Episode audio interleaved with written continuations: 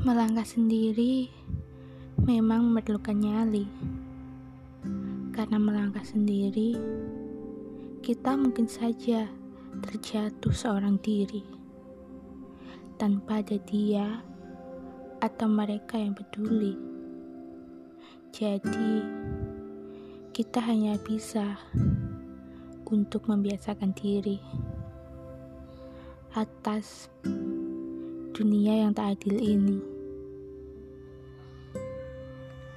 Lantas apa yang bisa kita lakukan saat kita hanya melangkah seorang diri? Ya,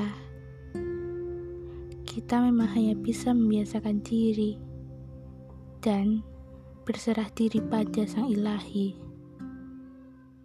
Selalu percayalah bahwa takdir baik selalu berpihak padamu, meskipun terkadang takdir buruk datang lebih dahulu.